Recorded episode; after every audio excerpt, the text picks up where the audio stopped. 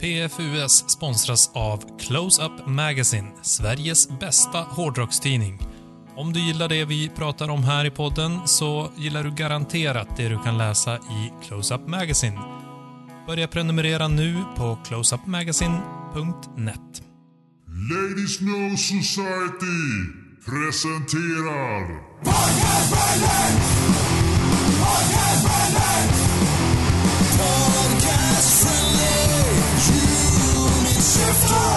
Tobbe, Yes! du har, li- du har om, om alla vi tre hade långt hår så skulle vi ha tillsammans lika långt hår som du har. Inte ens i närheten. Nej. Inte ens, hår är det inte ens, nära. mitt, inte ens ert hår är längre än mitt skägg. ja, nästan då. Men det är väl ungefär lika. Ja, Ja. så är ja, det. det är bra. Bra, bra att någon är långhårig i alla fall. Ja, det, det krävs ju att ha en vinnare i varje podd. Ja, Exakt. Ja. så är det. Är det din andra comeback nu Tobbe? ja, och den här gången så diskar jag inte. The second coming. The second coming of Christ. ja. Ja. Jajamän. Precis lagom till säsongsavslutningen så kommer jag in här och lägger mitt presentationsavsnitt här. Det firar vi. Med lite öl.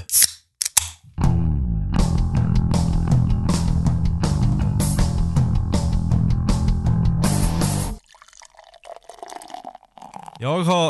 Eh, det här är ju Tobbes presentationsavsnitt och jag har tagit den ölen som jag eh, associerar mest med Tobbe. Åh, låt höra. Vilken är Dirty det? Bastard, eller? Nej. Gaylord Brewery. ja, exakt. Eh, nej. El Retardo. Bi- bio. Kärt barn har många namn. Nej, eh, Brewdog Elvis Juice. Oh, den är fin. Den är fin. Ja, den har han ju rekommenderat i tidigare avsnitt. Kan det varit i säsong tre? Kan vara att det... Nej, det är nog se... Vad är det här? Säsong fem? Fem. Nej, då är det nog fyra tror jag. Ja, kanske var i fyra. Ja. Ja. Den är skåpmat. Den har du druckit tidigare i podden också Nicke. Ja, ja, men Tob, jag vet inte varför jag... Jag tror att Tobbe brukar lägga upp den här på Instagram lite typ varje, varannan dag. Varannan burk han drick.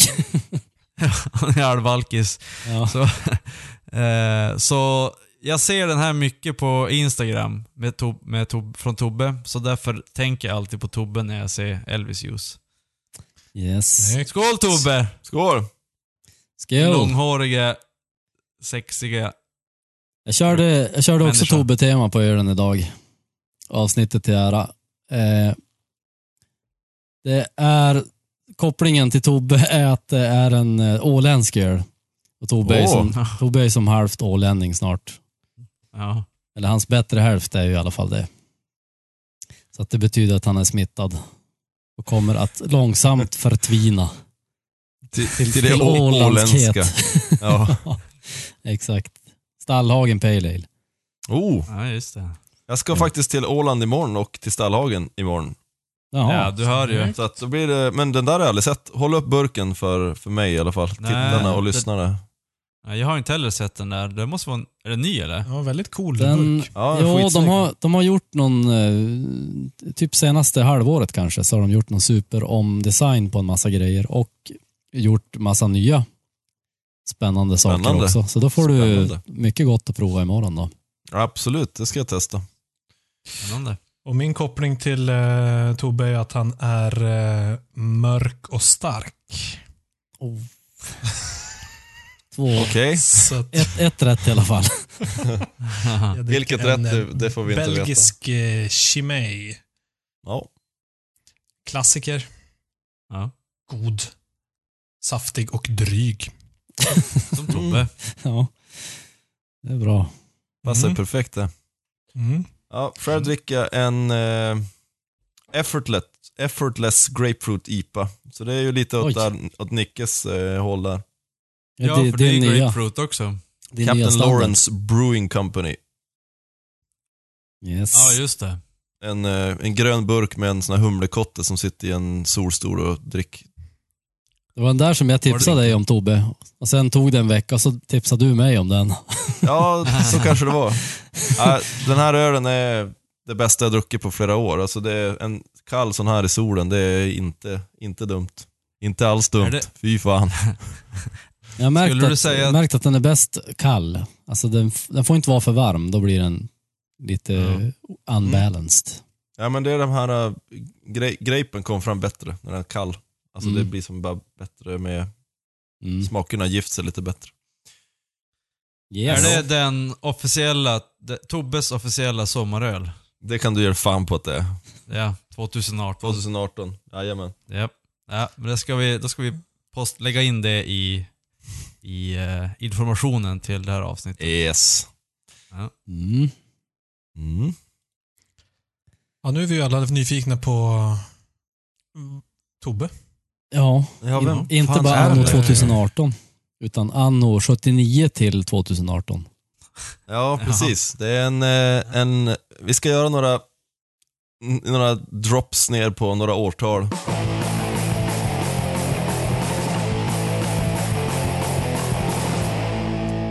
Okej, ja, vem fan är, vem fan är Tobbe? Mellan Ja. 79 och 2018. Ja, vi ska åka tillbaka till faktiskt, eh, jag läser lite till här i mina stödanteckningar här. Vi ska åka tillbaka till 1985. Då jag hörde den här gruppen första gången och det var väl kanske första gången som man hörde någonting som kunde liknas vid eh, rockmusik. Men den här låten har jag fått berättat för mig att jag stod och sjöng hemma eh, på någon slags rotvälsk dålig engelska när jag var typ fem eller sex, sex år typ. Eh,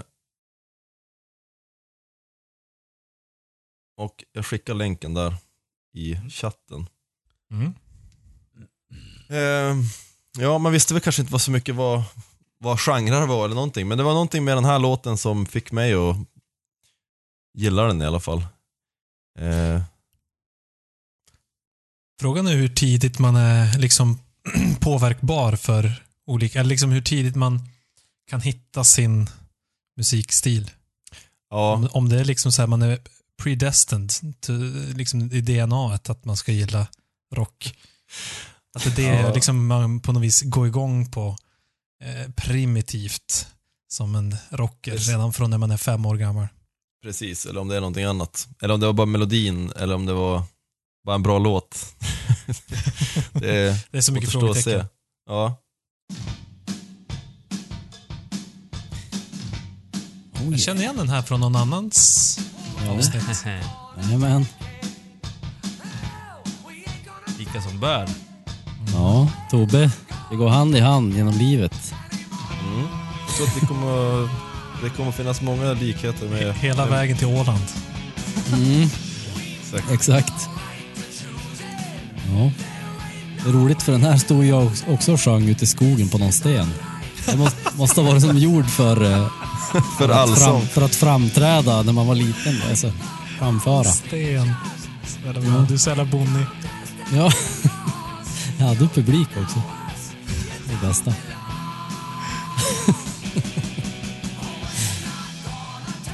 Sten, det var det närmsta man kom en scen.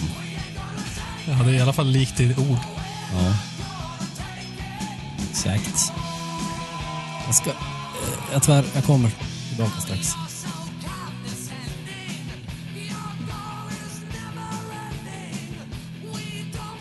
Vi kan väl eh, pausa kanske. Vi kan ju lyssna på tills han kommer tillbaka. kan man också göra.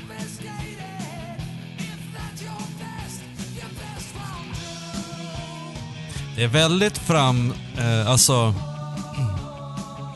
Vad heter? Framträdande. Framträdande trum... Ja, jag kommer på vad någonting heter just nu. Ride, crash, Ja, när man ride och så slår man, och så slår man nära. ring shots. Aha, Nej. Sådana, okej. Heter, ja, Ding. Ja, verkligen. ja, det är verkligen... Men det är sådana små grejer som gör, alltså i mixen som gör att låten, det är någonting speciellt just att man hör mycket där. Mm, more Och att cowbell. in... Så att det inte bara är som alla andra låtar. Men jag, jag tror jag vet varför de, både Tobbe och Joel sjöng den här. Alltså det Det är ju som en sån här all... Den här ska man kunna köra upp all sång på Skansen. Eller Allsång i Åbyn. Har det, inte redan, Ja. har det typ inte redan gjorts det? Allsång på Skansen, det, men ja. Det, det är ju... Hårdrock går ju hem där också. Det funkar ju hur bra som helst. Jo. Men det är ju som en... De har väl lite, li, ytterst lite hockeykör långt bak i mixen tror jag. På refrängen. Man, man vill ju som. Mm.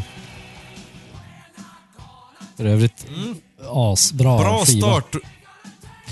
Ja, Bra start Tobbe. bra start för Tobbes musikkarriär. Fem Jajamän. år Ja. gammal och re- redan en Du kan- rebell. Nu kan det bara gå neråt. Japp, så är det. Nej, men eh, Twisted Sister, We're Not Gonna Take It. Jag tror att det är ju många som i våran ålder som har haft sin, sin start någonstans där. Eller i alla fall att den har funnits med på eh, paletten så att säga. Det tror jag. Jajamän. Var det du Joel som hade den också va? Visst var det så? Mm. Exakt. Ja. Eh, steget från den här artisten till nästa är inte så jätte, jättelångt. Eh, jag gick i sexan minns jag. När jag hörde den här. Eller om det kan ha varit femman, nu blir jag lite osäker när man ska sitta här så här i live i podden och preci- precisera exakt. Men eh, jag minns att en klasskompis hade snackat varmt om den här artisten och han hade, hans brorsa hade det här på kassettband. Märk väl, kassettband. Och jag fick, det bästa. eh, ja, jag fick låna de här två kassetterna, eh, två plattor. Den ena var den här låten med på. Eh, och det är ju, ja, det, det är som sagt, steget är inte så jättelångt, men vi, eh, vi får väl lyssna, får vi se om det är fler än jag som, känner igen sig i det här.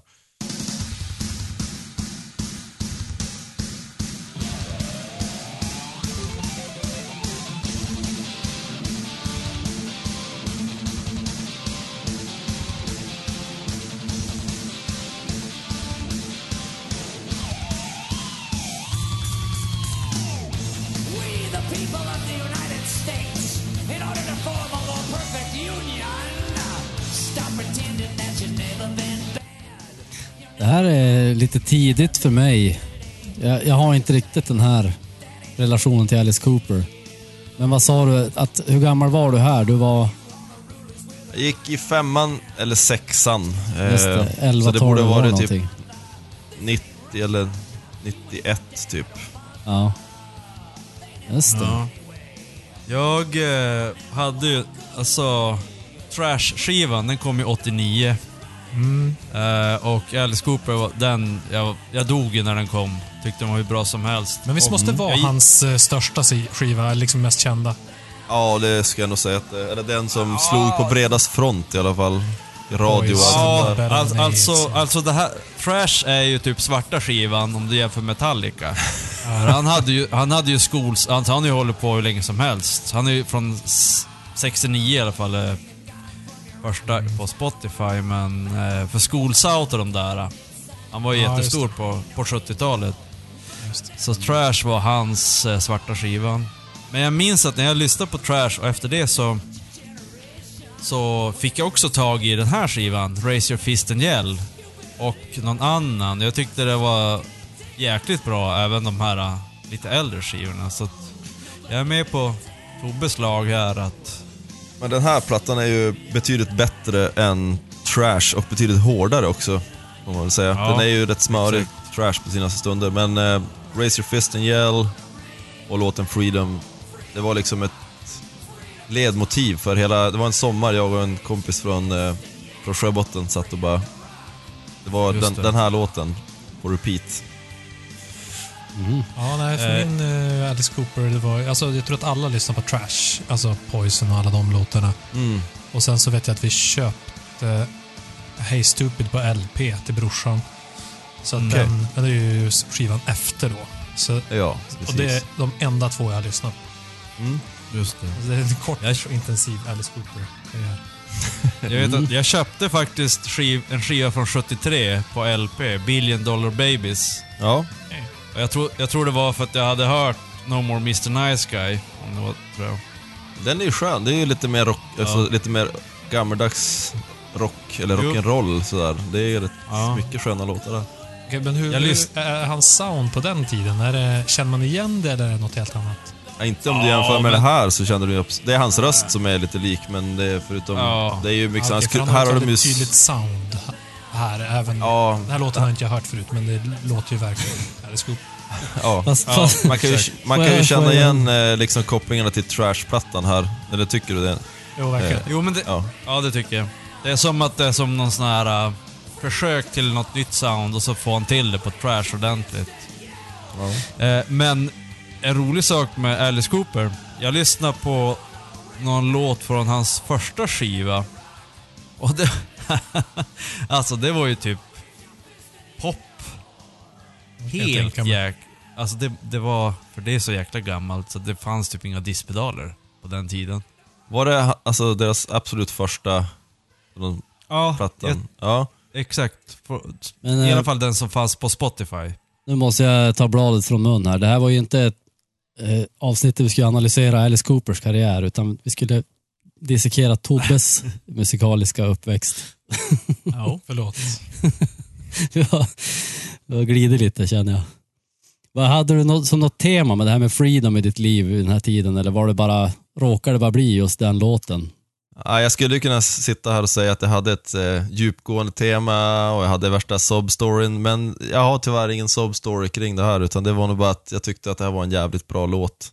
Vad, Just, just ref refrängen där och, och man försökte förstå vad han sjöng om, vilken sorts frihet var det det rörde sig om och så vidare. hur, Mm. vad associerar du den här låten eller den här plattan med? Vad, vad, vart var du i ditt liv då? Oj. Eh, I en ankdamm. Två- Två mil söder om Skellefteå. Där var jag. Så det kanske var någon slags frihetslängtan ut från det här lilla ankdammen. Jag vet inte. Ja, Mycket men tror du möjligt. att du redan då i femman, sexan kände att äh, det här, jag längtar in till stan eller? Eller känns det som att, för jag tänker säga, jag vet inte, mellan, låg mellanstadiet känns man haft ganska rosiga minnen kring. Ja, jag hade nog ingen längtan efter att ta mig in till stan liksom. Det hade jag nog inte. Men, eh, ja jag vet inte. Jag har inget riktigt bra svar på det. Men lyssnar du mest på rock redan här eller var det, var det det här som var det rockiga och sen lyssnade du på det som alla andra lyssnar på? Pop Ja, ja jag, hade, jag hade nog en hel del olika grejer, men Twisted Sister och sen till Alice Cooper och sen vidare, så det drog ju redan, jag får väl ändå säga, om man drar ett streck mellan de här alla artisterna så går det ju definitivt åt ett håll, får man ju säga. Men sen lyssnade jag ju på andra grejer också, det var ju så här. man hade ju som inte samma det var inte så lätt att få tag i musik på den tiden. Det här var ju ändå tidigt 90-tal. Det fanns ju ingen Mm. Spotify eller, eller någonting. Eller, ja. Nej, urvalet blir ju... När, du, när man är så pass ung så att man... Man, kö, man har ju inte råd att köpa egna skivor. Så det blir ju att man... Då lånar man ju och så sen bara oh. Precis. Så du har, ditt urval är ju eh, skivor och musik som dina kompisar har. Så att, Ja men exakt. Mm. mm. Och det där med att låna skivor, jag vet inte, det, det var ju ett tag sedan man lån, lånade en skiva av någon polare. Mm. typ CD eller vinyler. Mm. Yes. Ja, Vad spännande. händer sen i livet?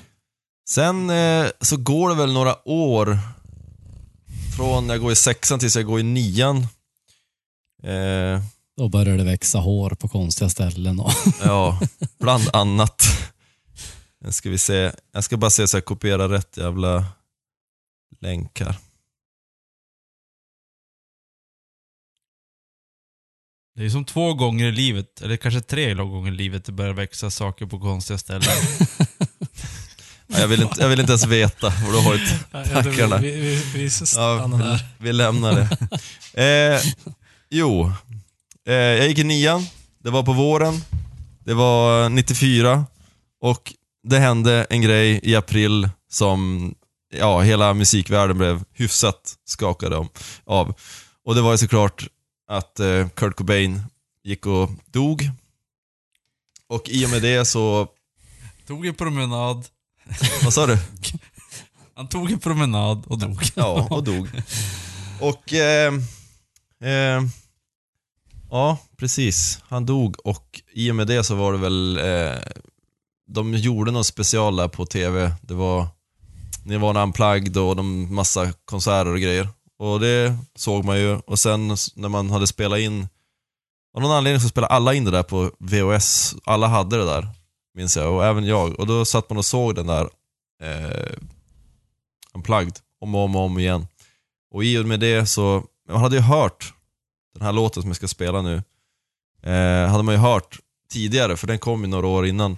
Men det var som att i och med att man lyssnade på den där Unplugged-plattan så, fick man, så började man lyssna på de riktiga versionerna och sen hittar man nya låtar vidare. Så vi slår igång den här låten så får ju alla känna minnas tillbaka och bara känna att ni var också där. För jag tror att, jag tror att alla i den här podden var där ungefär när det hände här också.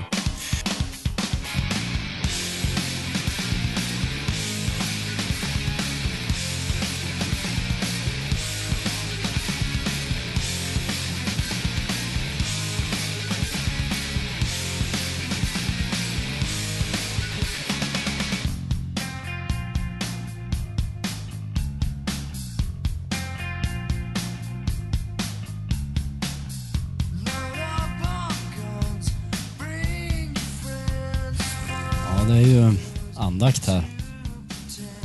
Jag hör det, ni blev alldeles tysta. Ja. Det är som när man äter riktigt god mat. kan man inte prata. Det enda som inte är tyst det är min katt Jag hör det. som kurrar väldigt högt. Ja. Men den här var ju inte med på Unplugged väl? Nej, det var den inte. Men Så jag hade förväntat mig att det skulle vara någon Unplugged-variant. Ja, nej.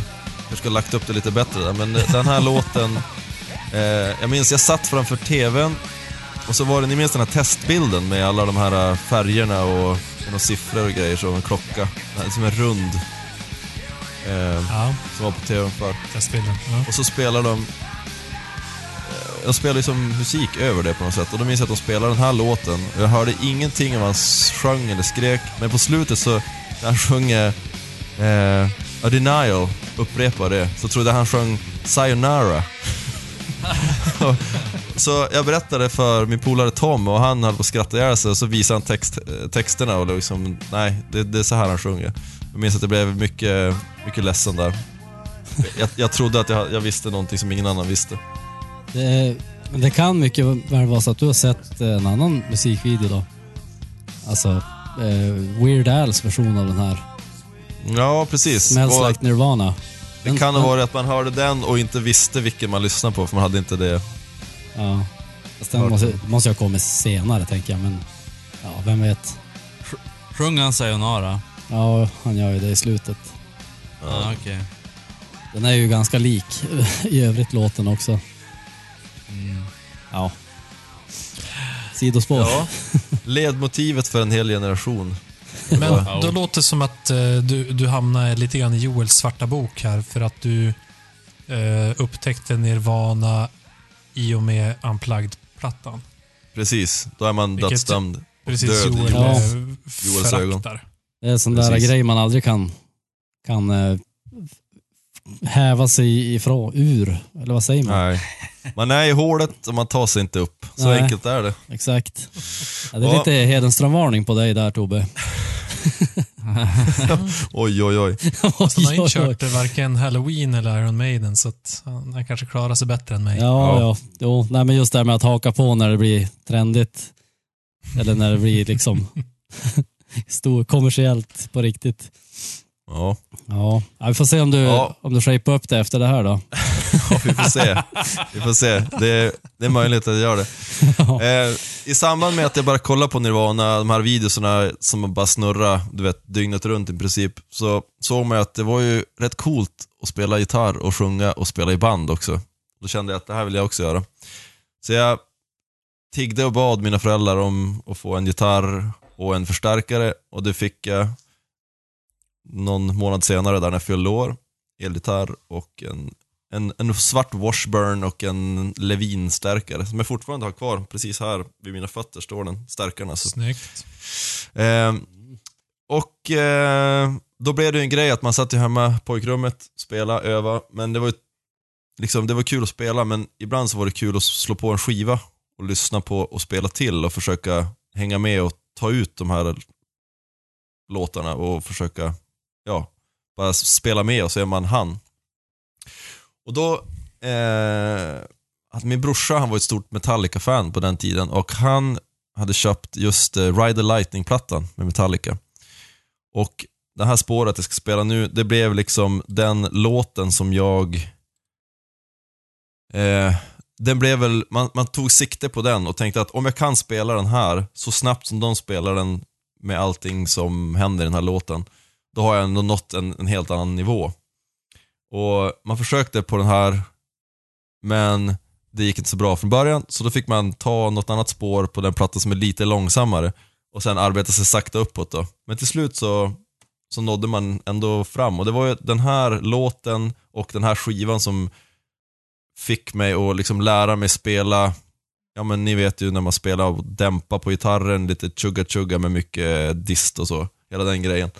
Och bara, man lärde sig vad dynamik var och hur man skulle spela öppna strängar och, och dämpat och mycket finger, fingerspelande, lite sologrejer och sånt. Så, vi kör igång den så får ni höra vad jag menar.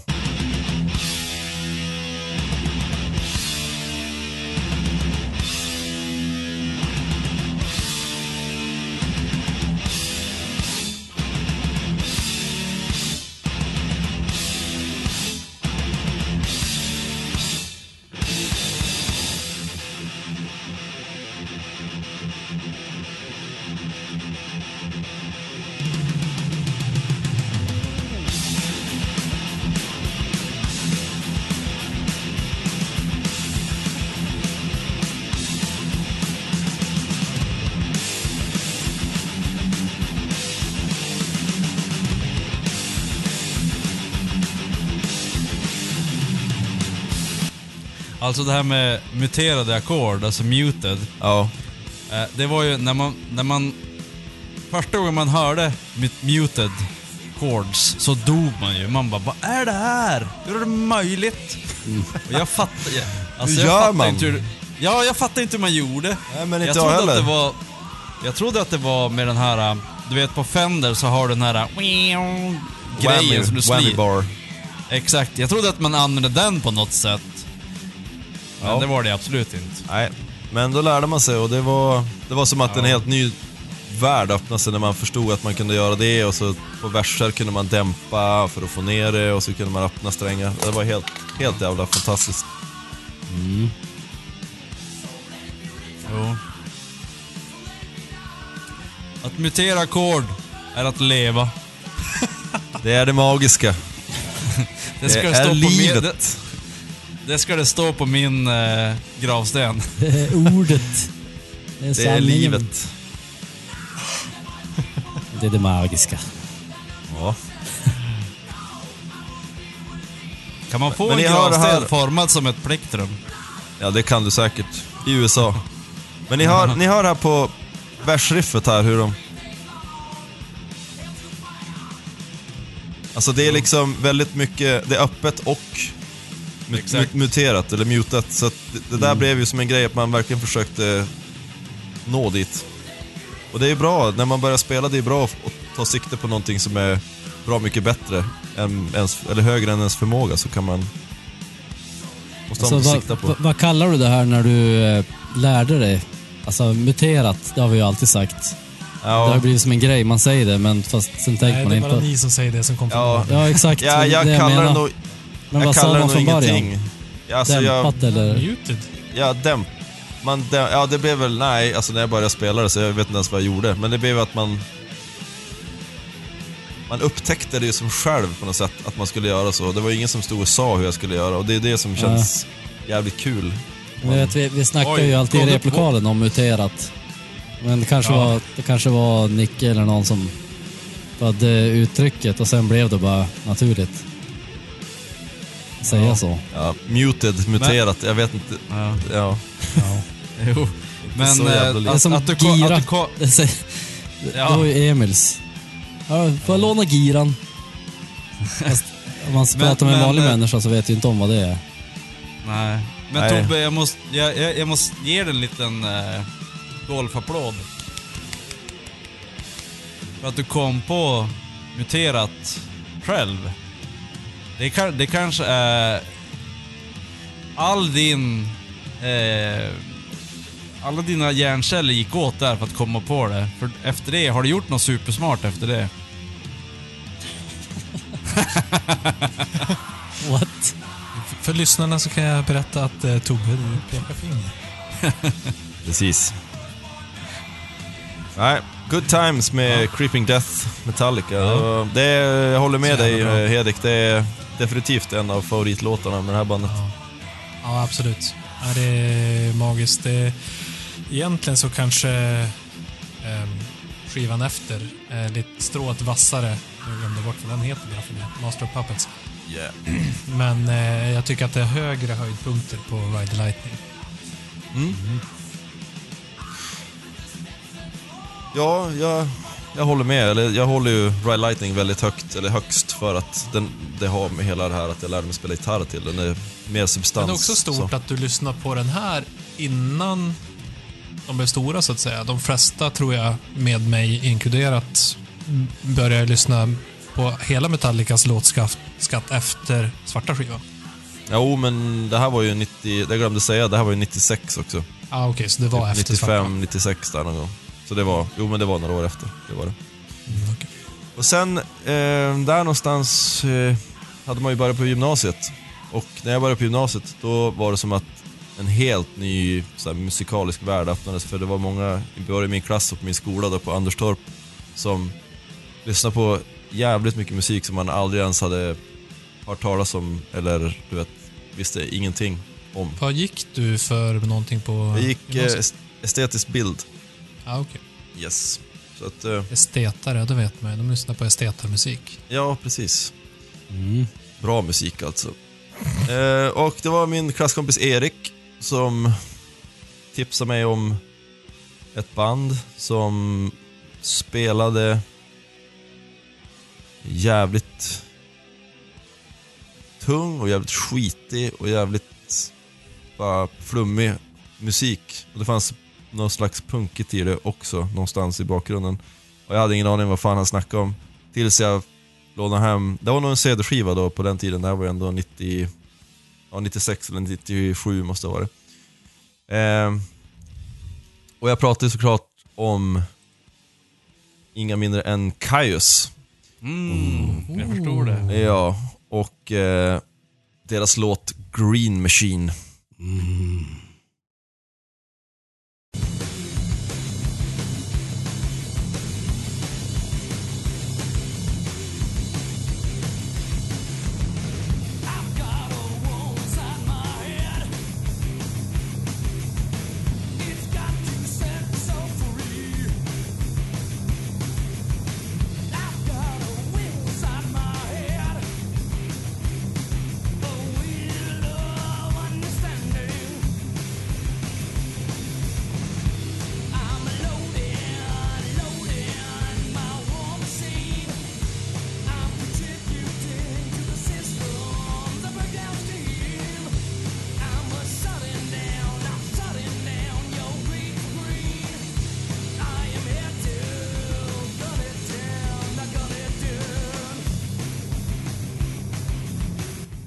Återigen.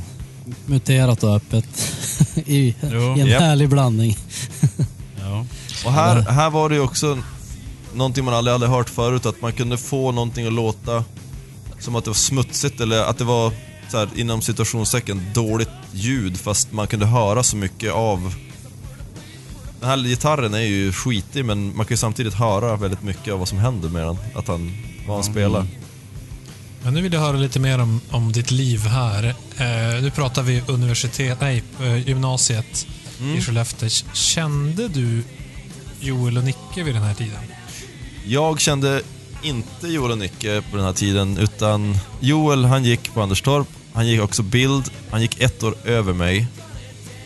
Men vi sa aldrig ett ord till varandra under hela gymnasiet, eller de två åren som vi gick där tillsammans. Jag, jag, jag såg Joel varje dag och jag såg den där killen, han hade ju så här Melvins tröja och Nirvana och hade koftor och såg ut som en riktig grunge-snubbe. Alltså, vi, vi kände ju till varandra och vi visste ju vad vi gillar för musik, typ. Men ja, som du säger, vi, vi yttrar aldrig ett ord till varandra. Nej, Ganska men det roligt. var, det var precis typ när ni hade gått ut tror jag och sen jag hade typ ett år kvar eller om det var när jag hade, nej så var det nog.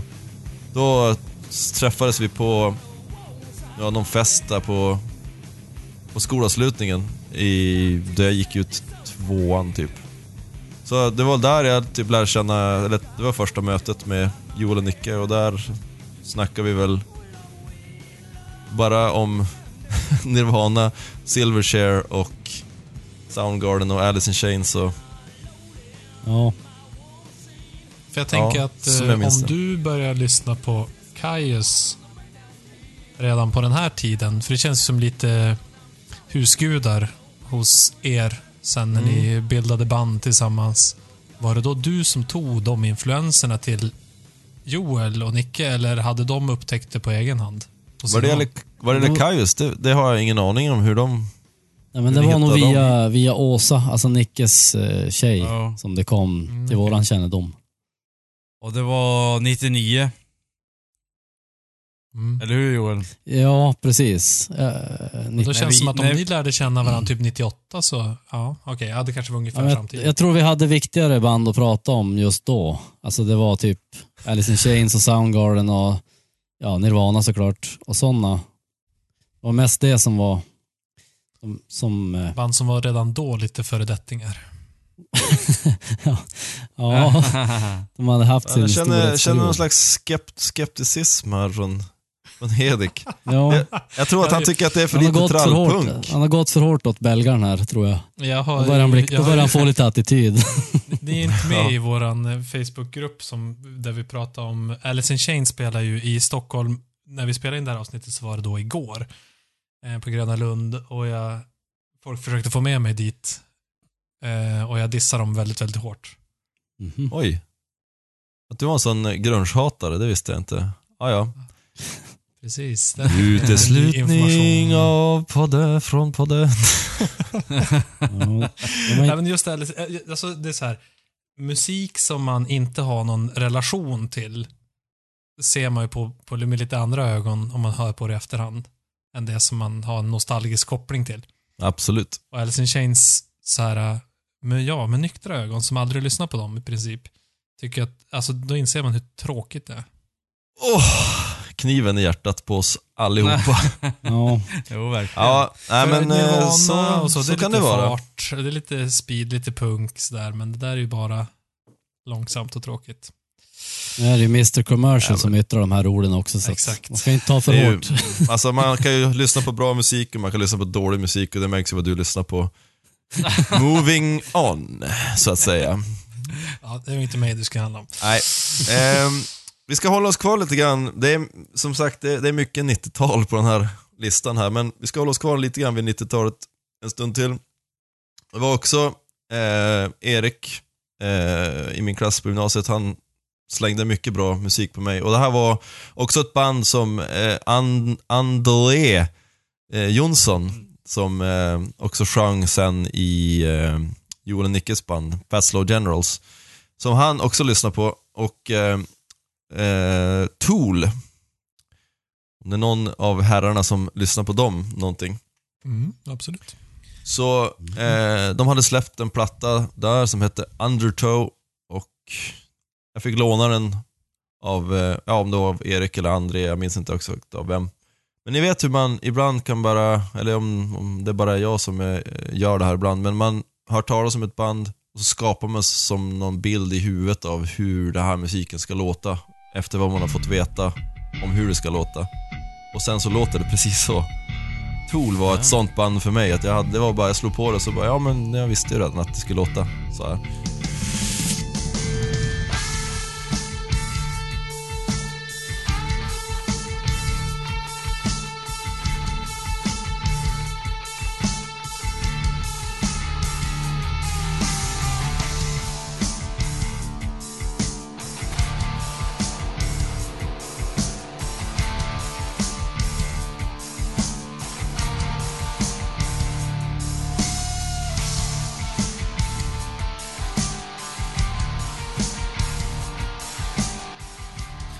Kan det vara så här Joel, att Tool var också någonting som man började lyssna på där vid 99? När kom den här skivan? Ja, det kan stämma Nicke, för jag har för mig att jag har sett den här musikvideon på någon så här bland, eller du hade spelat in på någon VHS, Mm, tror jag. ska se. Var det här Undertow-skivan eller? Ja. 93 kom den. 93. 93, ja men då Shit, det är hade väl den ju ändå några år på nacken när man börjat lyssna på dem. Men ja. Det här Det var var ju den... Undertow, Ja, men Undertow och Enema som var de stora på 90-talet. Jag tror jag Mm. lyssnar mer på Enema. Okej. Ja, Jag lyssnade, jag har egentligen bara lyssnat på Anima och jag trodde att den kom typ 99.00 då jag lyssnade på dem. Okej. Men den kommer redan 96, det kan vara sådär ibland. Det var ju den här låten Sober som man fastnade mest för. Men jag hade också hört en låt i samma veva. Ni kommer ihåg Beavis and Butthead? På MTV. Ja. De satt ju och kollade på videos eh, som en del av det här programmet och då kollade de på videon till låten Prison Sex. Och det, det var ju kul när man upptäckte att den var på samma skiva sådär. Men det var, man fick som influenser från flera håll just på det här bandet. Och sen, deras videos är ju såklart ja, både, Ja, de är bra. både creepy och bra och snygga och allt vad de är. Ja. men- Mm. Och det, det, som, är- det som deras videos gör ju ungefär... Alltså Marilyn Manson, han gör ju, eller bandet Marilyn Manson slash sångaren Marilyn Manson gör ju på samma sätt som Tool, fast de gör det på olika sätt. Tool, de är så mystiska för man får ju aldrig se ansiktena på dem och sånt där. Ja, de har ju aldrig gjort Men- någon video med, när de är med. Nej, och de... eh, De har den här... eh, Det är som en... Deras... eh, Allt det de gör har som en tanke och en röd tråd med. Det är samma med Marilyn Manson. Allt det han gör har också en, som en röd tråd och allting sådär. Men där visar han ju sig själv och, och bandet och så. Mm. Man, tror man tror ju att Tool är jätte så här konstiga personer, men eh, jag har ju lyssnat på sångaren när han är hos Joe Rogan podcast. Han är helt normal. Men det är just för att, just för de här videorna och musiken och att de aldrig visar sig, då tror man att de är jättekonstiga och mystiska. Men, Ja. är du, var du jättekonstig och mystisk den här tiden? Eller var du normal? Ex, extremt störd på många sätt. Så det var kanske därför det passade mig så jävla bra med, med det här. Man kände igen sig någonstans. Nej, jag vet inte. Det var, bara, det var bara någonting, alltså det här är ju också, jag skulle inte gå och säga att det här är grunge, men det är definitivt alternativ rock som passar in i samma, som allt det där man hade ju fastnat för. Kaios, Nirvana, Alice, allt det där. Det var ju, det, var, det passar bara som handen i handsken och sen så Jo, Sen har man ju köpt varenda platta de har släppt sen dess och de är ju verkligen husgudar på ett sätt också. Ja, jo men utan att de spelar i samma genre så hör de ändå till som samma, alltså man, man hör ju som att det är samma personer som gillar det. Jo. Ja, det är ju väldigt Mm. många som gillar Alice in Chains till exempel, som gillar Tool som man har pratat Ja. med. Så, så är Ja. det.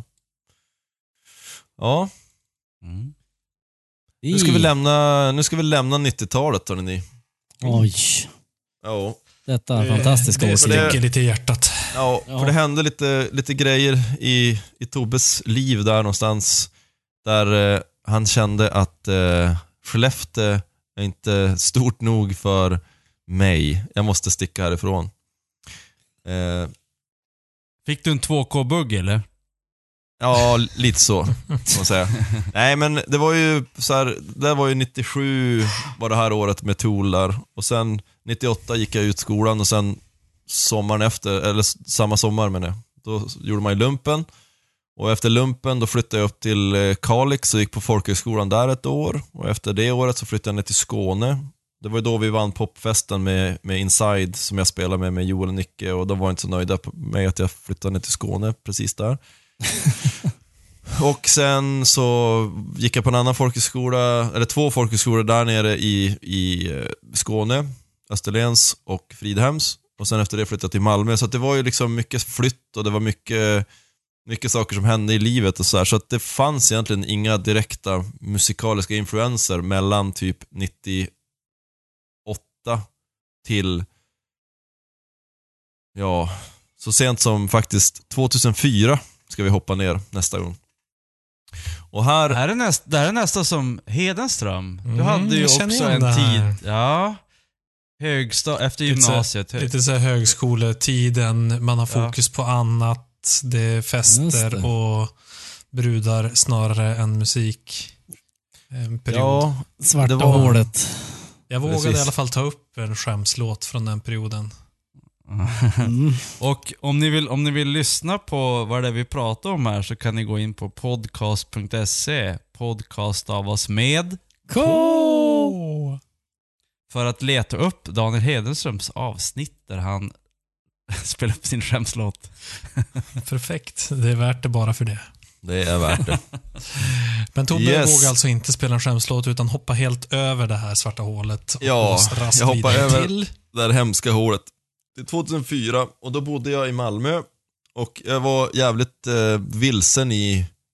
Jag, jag ville ju liksom, jag hade landat i Malmö, jag hade bott där i typ ett och ett halvt år och jag kände den här känslan, eller lusten att spela musik i ett band hade kommit tillbaka eftersom man hade pausat lite på samma ställe. Det var ju så hektiskt tidigare åren där. Eh, så att jag kände att jag, jag ville spela musik, men jag var jävligt vilsen i vad jag ville spela eller vad jag var sugen på. Jag, jag kände att jag, det här med att spela grunge och sånt, det hade man ju gjort, men jag, man sökte som ändå efter någonting som var fräschare och lite, lite, ja, bara fräschare, så det skulle kännas fräschare helt enkelt.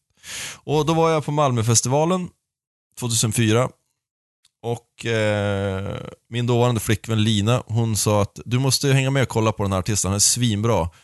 En riktigt så här bra rock'n'roll. Ja, Ja, det kan jag väl göra. Så jag följde med, ställde mig framför scenen, den här snubben klev på och när han började spela, jag stod bara och gapade hela konserten. För jag, det var bara så här, jag, det var liksom... Jag visste inte att man kunde spela rock på det här sättet. Och hans utstrålning och allting var bara, var, han hade sån karisma på scen och hur han spelade och allting, det var helt jävla magiskt. Så, jag pratar förstås om Mr Danko Jones. Och Mm. eh, det här var så, så långt, långt tillbaka så han gjorde sin, jag tror att det var We Sweat Blood-turnén för den plattan, 2004. Just innan han släppte den här eh, the Enemy som blev den stora breaket för honom. Eh, men låten jag ska spela upp är inte från den plattan, det är från plattan innan den och det var den låten som jag bara minns så klart och tydligt. Eh, så vi kör igång den så får ni höra vad det är.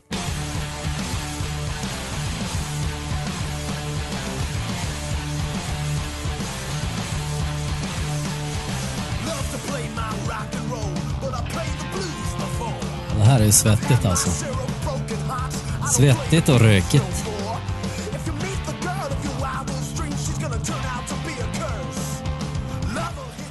Kul att på skivomslaget till den här så figurerar ju en, en figur från Hedigs skämsperiod också. Ja, är det det? Nej, Broder Daniel på framsidan. det är extremt Det var lite lik likt. Hen- Henrik Det är, jä- är jävligt ser ut som det. Ja. Nej men jag stod, jag var helt hänförd. Det var, jag hade aldrig hört någon, jag hade aldrig ens hört talas om Danko Jones innan. Och, ja, ni kan ju höra själv hur jävla hungrigt och jävla bra det här är. Och efter det, då var man bara så här, det, det, det här. Liksom, det, måste vara, det måste finnas en energi och en, ett, ett, ett driv och ett ös i det man spelar. Alltså, det här är ju mer, alltså man tyckte ju att Smells Like, det, här, det går aldrig att göra en mer så här energipackad låt. Men bara den här låten är ju mera energi, om man ser det rent så här. Det är att det ska spruta svett när man spelar och det ska vara attityd och allt sånt där. Då är den här ett väldigt bra exempel. Och han har ju en, en hel radda med sådana låtar den här killen. Jo, speciellt de tidigare åren. Om Så jag säga förstår, vad jag förstår vad du vad jag menar med att det vart som en ny nivå. Att så här, kan man spela rock så här? Ja. Det blir så här en, en typ eh, på nytt födelse nästan. Ja, det var, det var magi på hög nivå. Men det var jävligt skönt också att känna att man sögs tillbaka in sådär. Så... Alltså... Att man har varit vilsen och bara känna att det är en, en, någon som bara knockar tillbaka en in i ringen sådär. Det, Mm. det var jävligt coolt. Och när det blir så mäktigt också när man får se bara det var en konsert jag gick på så var det klart. Ja. Och speciellt när du är helt så här. äh, Dan Danko Jones live är ju en ganska bra... Det är bättre att se en live som första gången istället för att lyssna på en skiva nästan. Ja, exakt. Ja, exakt. Ja, Och verkligen. Det var ju väl det var ju förmodligen därför det gick så bra Ja. för han att värva mig som fan. Ja, men det tror jag också, för på skiva så är det ju, det är som Joel säger, nu är det svettigt och, och, och, och energi. Men eh, han gör sig ju bättre live. Både, som sagt, just på grund av energin, men också på grund av att han är en sån personlighet. Eh, verkligen kan fånga en publik. Ja. Absolut. Mm. Och så behöver ju inte, sån här musik behöver ju inte vara så här superproducerad som vissa, vissa band, man säger lyssna på deras skivor så låter det ju fantastiskt bra men de har svårt att återupprepa det i en live-miljö för att det är så många nyanser som försvinner. Men den här, den här musiken har ju kanske inte lika många nyanser men den är mera gjord för att slå någon i ansiktet liksom på, från en scen. Mm. Exakt. Och det är inte så att du, du har massa stråkar och piano och blås och sånt där som du måste ha med. Nej, exakt. Det är bara... Det är basic. Mm. Ja. Vad är det? Yes. Vad hände efter Så- denna så på nytt födelsedag? Så, ja, nu är vi alltså på Tobbe 2.0. Ja, då, eh, då kände jag att det var dags för en flytt till. och eh, då var det tillbaka till Västerbotten som, eh, som gällde. Men det var väl, det var, ska säga, det här var 2004 jag såg Danko och jag flyttade eh, november 2005, så det var mer än ett år senare. Och då drog jag upp till Umeå. Och i Umeå så träffade jag lite folk och eh, de här människorna de kände en snubbe i England som jag också fick träffa och han, den här engelsmannen, han eh, tände mig på det här eh, bandet ni ska få höra nu. Eh, det var lite samma grej som Danko där, att man, man blev lite, man hade fått blivit tillbaka sugen in i ringen här av Danko Jones och man var med i matchen, man ville spela musik. Och sen så fick man höra den här låten, eller hela den här plattan med det här bandet. Och då, då klarnade det som ännu mer att man ville, vad man ville göra, hur man ville att det skulle låta, liksom soundet och allting, vad man ville göra liksom. Och det här var precis eh, innan jag startade eh, mitt band, eh, Benny Sakura. Så det fanns mycket Danko-influenser i det bandet, men det fanns också ganska mycket av det här bandet.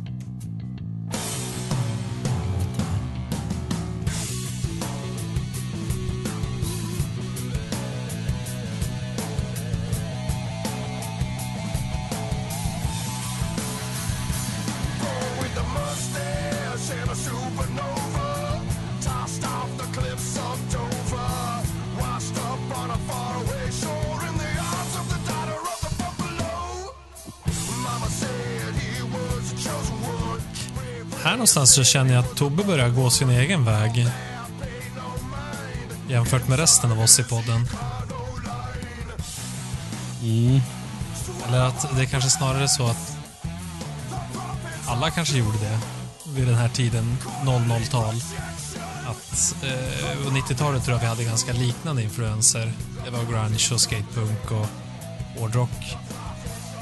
Men sen har vi dragit lite grann åt olika håll. För det här är ju sånt som vi inte har hört.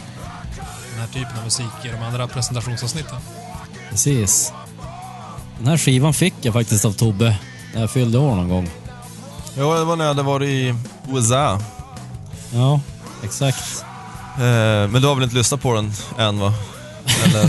Jo, alltså just, just den här låten är nog den jag lyssnar mest på faktiskt. ja, men är det någon av er som lyssnar på Clutch sådär? Alltså som har dem som ett, något favoritband så eller? Nej, Nej, det inte för mig. Clutch är ett så här, det är ett så här band som man bara... Ja men de här borde man lyssna på någon gång, men det blir aldrig att man gör det. Nej men de har, det finns många bra plattor men det här är nog en bra platta att börja med om man vill lyssna på Clutch Blast Tyrant heter den och den är... De är ju rotade i någon slags bluesrock men här är det liksom lite rakare och lite mer rocken rock bara men andra plattor kan vara bluesigare och sådär. Så... Kör på den här Nicke, det blir bra. Ja, okej. Ja, jag, jag gillar dem också men det, satte nog inte samma djupa spår som i dig kanske. Nej. Det var bara en tid när man, man sökte efter någon, någonting och sen var det Danko Jones och Clutch som plockade upp det. Ja. Men jag tycker att, nu vet inte jag, nu bara, bara den här lilla låten så... Man hör ju att det är ju lite Danko Jones blandat med lite stoner, alltså... Om du tar Kaios och, och eh, gör ett barn tillsammans med Danko Jones, då får du den här låten i alla fall. Ja, Ja, jag kan hålla med. kanske det. Och så ja, för övrigt, inte tänkt på i, det så, men- introt var ju extremt influerat av Fat Slow Generals. Jo, det var extremt Ja, fat slow. Fat Slow Generals, de är roten till allt. Det var till Ja, samma, samma basljud och allting. att- Mm. Jo, för exakt den här kom ju senare. Så. Ja. ja, det vet vi. Jag har hört andra band också som har influerats av oss. Exakt. Bland annat Kamchatka, ett av mina favoritband. Ja, just De det. har- jävlarna. De har också gjort Vad det. Vi måste ta upp det här med de här grabbarna i, i nå- något poddavsnitt. Vi får ringa upp dem live i, i podden och försöka fråga liksom, hur hittar de oss, varför har de snott vår musik, era musik? Exakt. Och hur mycket ska vi få? Det är det Och hur mycket ska vi få? Det är den stora frågan. Ja. Ja, det är det absolut viktigaste. Jo, så Mm. är det. Okej, så Ume och ny Tobbe. Ja, Du startar, startar band nu. ja. Det var, det var, hur länge sedan var det du spelade i ett band här? Här var. När vi är på det här årtalet där vi är nu. Jaha. Eh, 2000, när var det du flyttade sa du? Ja, det här var 2007. Då hade jag, jag hade ett band i Malmö, Tonic Truck, som jag spelade med i, i något år där. Jag bodde i Malmö i två år, så jag bo, var väl med där i typ ett år kanske eller så. Just det. Ehm, så att det, det var ju, man hade, ja det var väl ett, det var, och före det så var det ju in, Inside. Just det. Ehm, så att det, det var ju några år, det var ganska sporadiskt sådär. Ja. Mm. Ja, men så här, det här var ju 2007, Clutch, upptäckte det. Eh, sen mellan 2008 och 2015, som är resterande åren för mig i, i Umeå, eller 2016 ska jag säga. Så det är inte så jättemycket ny musik som gör entré i mitt liv under de åren. Så det man, jag spelar ju i Clark Lane, mm, ett band som jag har kvar fortfarande. Och jag spelar också i Supercharged Pitbulls. Eh, men det var liksom... Det var inte så många band som gjorde den, hade den sån impact som, som Clutch och Danko Jones hade under de, de, de här åren. Eh, det är väl egentligen under sista våren i Umeå, som det är alltså våren 2016, där som jag började intressera mig för en musikstil som är på frammarsch i Sverige och i världen. Oj. Och Oj, oj, det är ju en, en musikgenre som har funnits sen, ja det är väl fan i mig sent 80-tal, även om den har utvecklats ganska mycket under åren och nu låter väl det som är typiskt för den här genren idag låter väl ingenting som det gjorde typ 89 eller 90.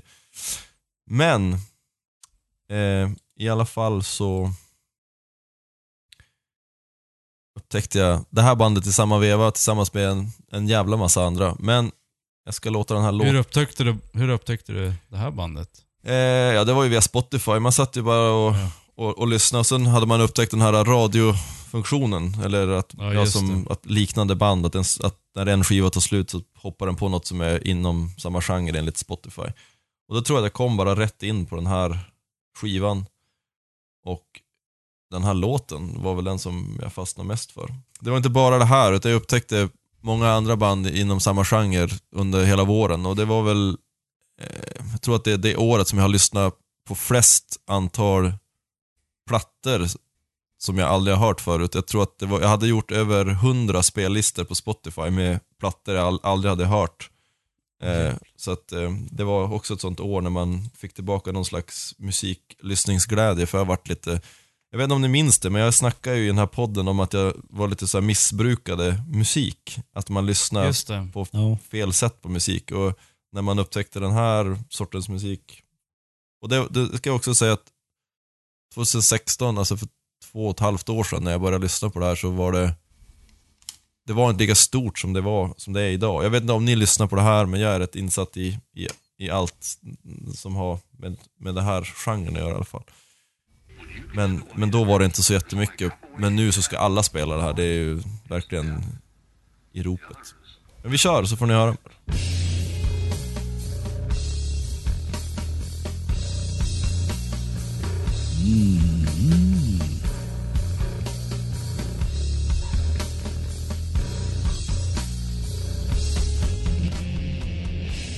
Och vad kallar vi den här musikstilen som är så inne nu?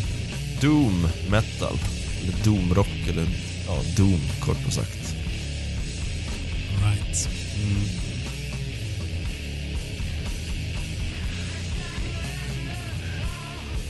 Och här har vi ju känningar mot Kaius igen.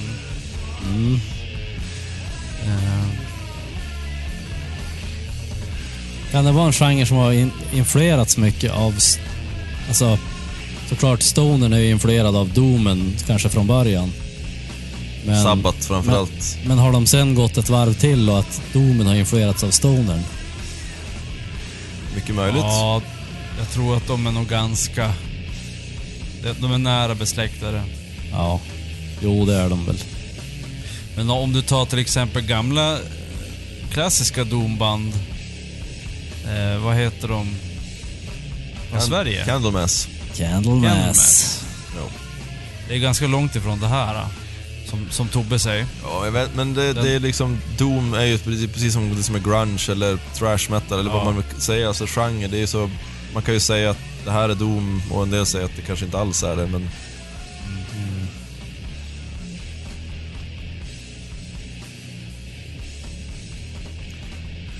kallas för the heaviest band in the universe. Jag har lite att invända mot det. Ja. Ja.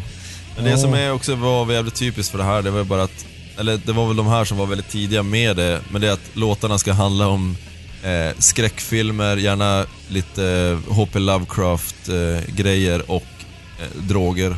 Det, och, och nu är det, det är jättemånga band som man läser texterna eller bara lyssnar så har man bara, aha, de här har lyssnat på Electric Wizard, eller att det, Mhm. det ska låta på ett visst sätt liksom. ja. Ja, Alltså Lovecraft, han har verkligen influerat en jäkla massa kultur. ja alltså det är helt sjukt. Inte minst Alltså musik då. allt. Ja men alltså musik, film, böcker, tv-spel, alltså rollspel. Det finns ju mycket som helst. Mm. Ja. Säkert något teatergrejer också. Han är ju till och med döpt ett helt datorföretag. Åh. Så roligt. P... Jaha, HP. Åh, haha. haha. Ah, ah. Ja. Mm. Men eh, det här, kan man ju, det här kan man ju stå och gunga till om man vill. Ja. Absolut. Ja. Jag är nära. Nära min favoritgenre i alla fall. Jag tror jag faktiskt jag har fått något tips av dig någon gång på Electric Wizard. Det har jag. Eller det har du med det. Ja. så att jag, har nog hört, inte just den här låten då, men någon annan låt med dem. Så jag kan ha på någon Mm. spellista till och med. Det tror jag säkert. Ja. Och sen så körde jag väl egentligen lyssna bara på Doom och sån här jävla tung, tungviktsmusik hela 2016 och typ delar av 2017. Men sen, eftersom jag hade lyssnat så jävla intensivt på det så då blev man jävligt trött på hela den grejen. Eh, och bara lyssna på det. Så då började man väl lyssna på annat som man, alltså tidigare band och massa sånt där. Men eh, här någonstans så har jag då flyttat till Stockholm om man ska se på um, årtalen och sånt så är det 2000, sommaren 2016 flyttade jag hit. Så det är nu nästa månad är det två år sedan. Och när jag, när jag kom till Stockholm så var jag helt säker på att jag ville spela sån här musik, alltså doom metal eller doom rock eller vad man vill säga. Jag sökte efter folk och allting, men det var jävligt svårt att hitta folk som, som ville spela det. Eh, jag tänkte bara att det skulle vara lägga ut en annons så fick man hur mycket svar som helst från hur mycket folk som helst och sen skulle det bara vara värdiga de bästa och så starta ett band. Men det var ingen som hörde av sig. Jag la upp många annonser på, på många sådana här, eh, både Facebookgrupper och allting sånt där.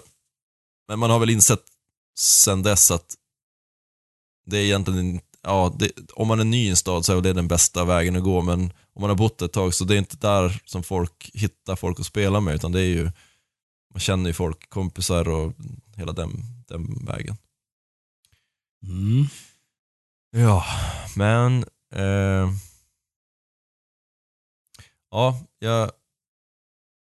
Man var lite, lite slagen där att det var så, så svalt intresse av att spela den musiken som jag var så jävla peppad på att starta någonting med.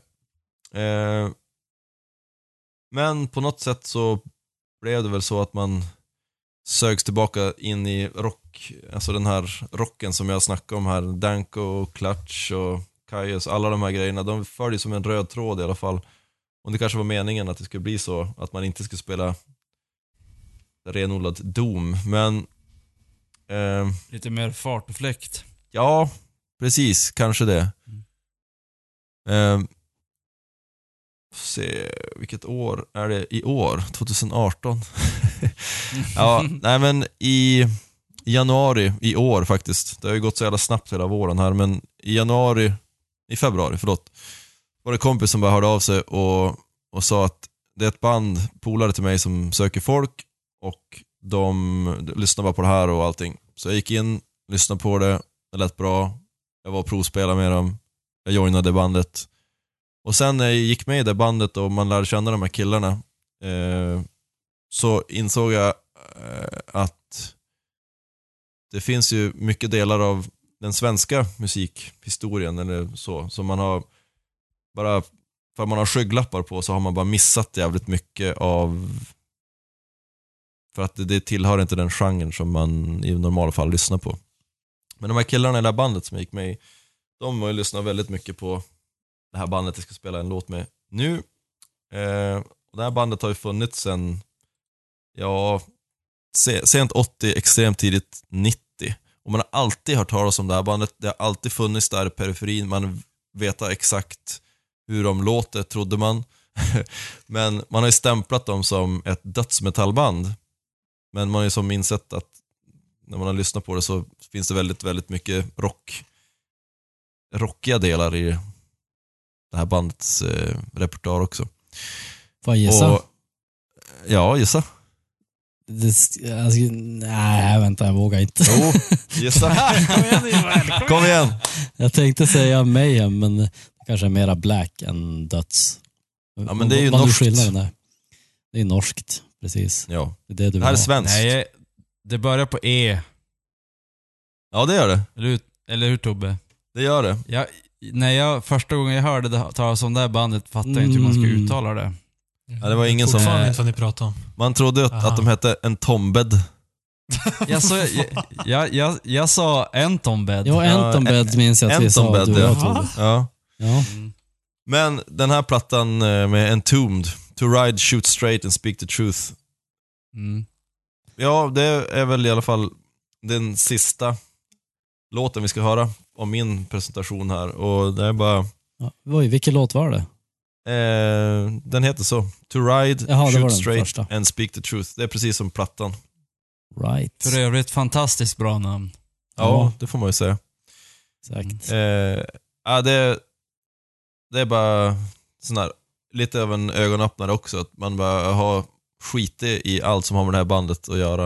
Eh, ända sedan man hörde talas om dem första gången för att det var dödsmetall och dödsmetall har inte varit min grej. Men det här är ju liksom death and roll eller vad man ska kalla det. Det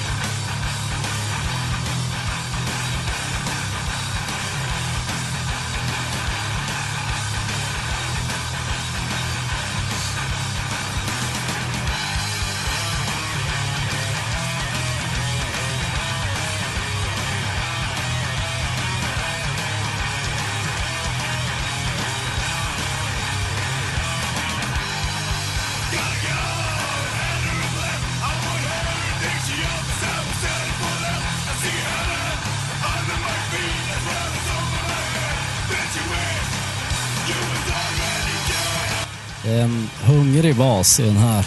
Den är arg. Arg och hungrig. Och ju mer man lyssnar på det här så insåg jag att det är den här ljudbilden som återigen dyker upp.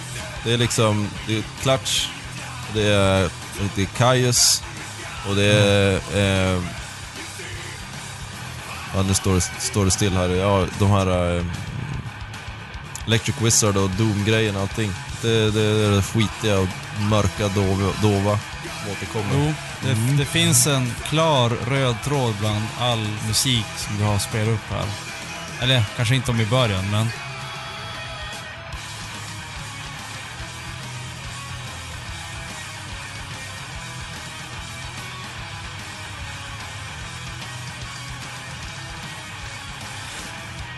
Det var ju här någonstans, alltså skivan innan som heter Wolverine Blues, som, Wolverine Blues som kom 93. Där var det ju... Där var det ju döds. Här har de ju gått mer till lite mer rock'n'roll som du säger.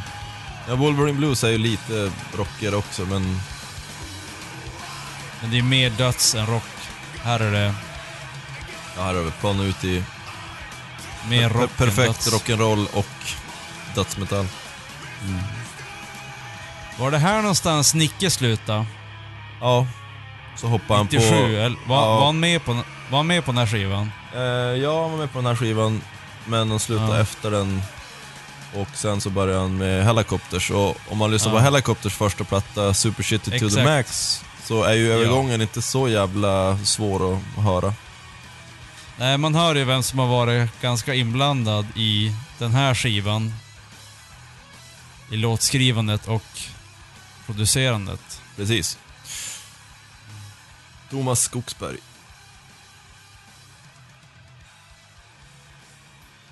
Tystnad.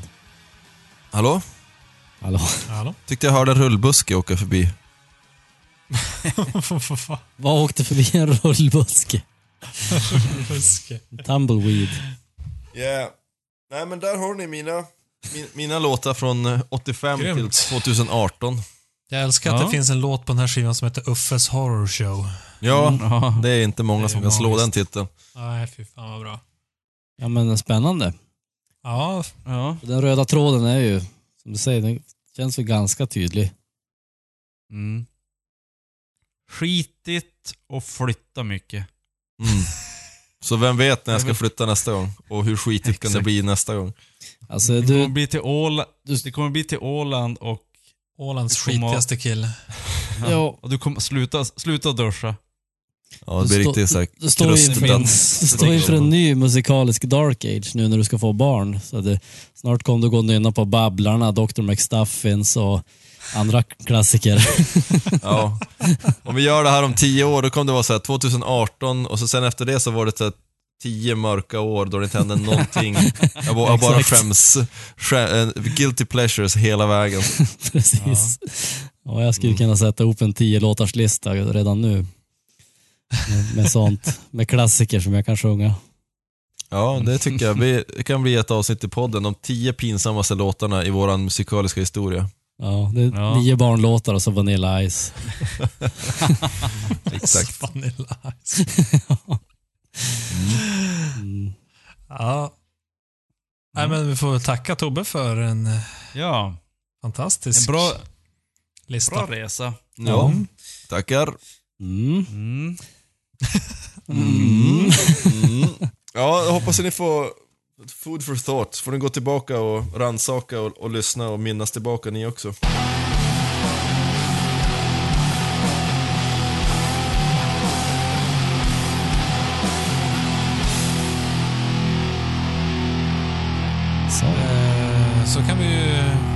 Redan nu göra reklam för nästa avsnitt som kommer vara säsongsavslutning med maximal spänning och intensitet. Kan, det bli det, ut allt vi har att ge. kan det bli det mest spännande avsnittet någonsin? Någonsin. Istället för det mest oväntade. Ja, exakt. Mm. Vi får se. Jag vet aldrig. Missa inte. Nej. Jaha, var det slut eller? Jag tror det.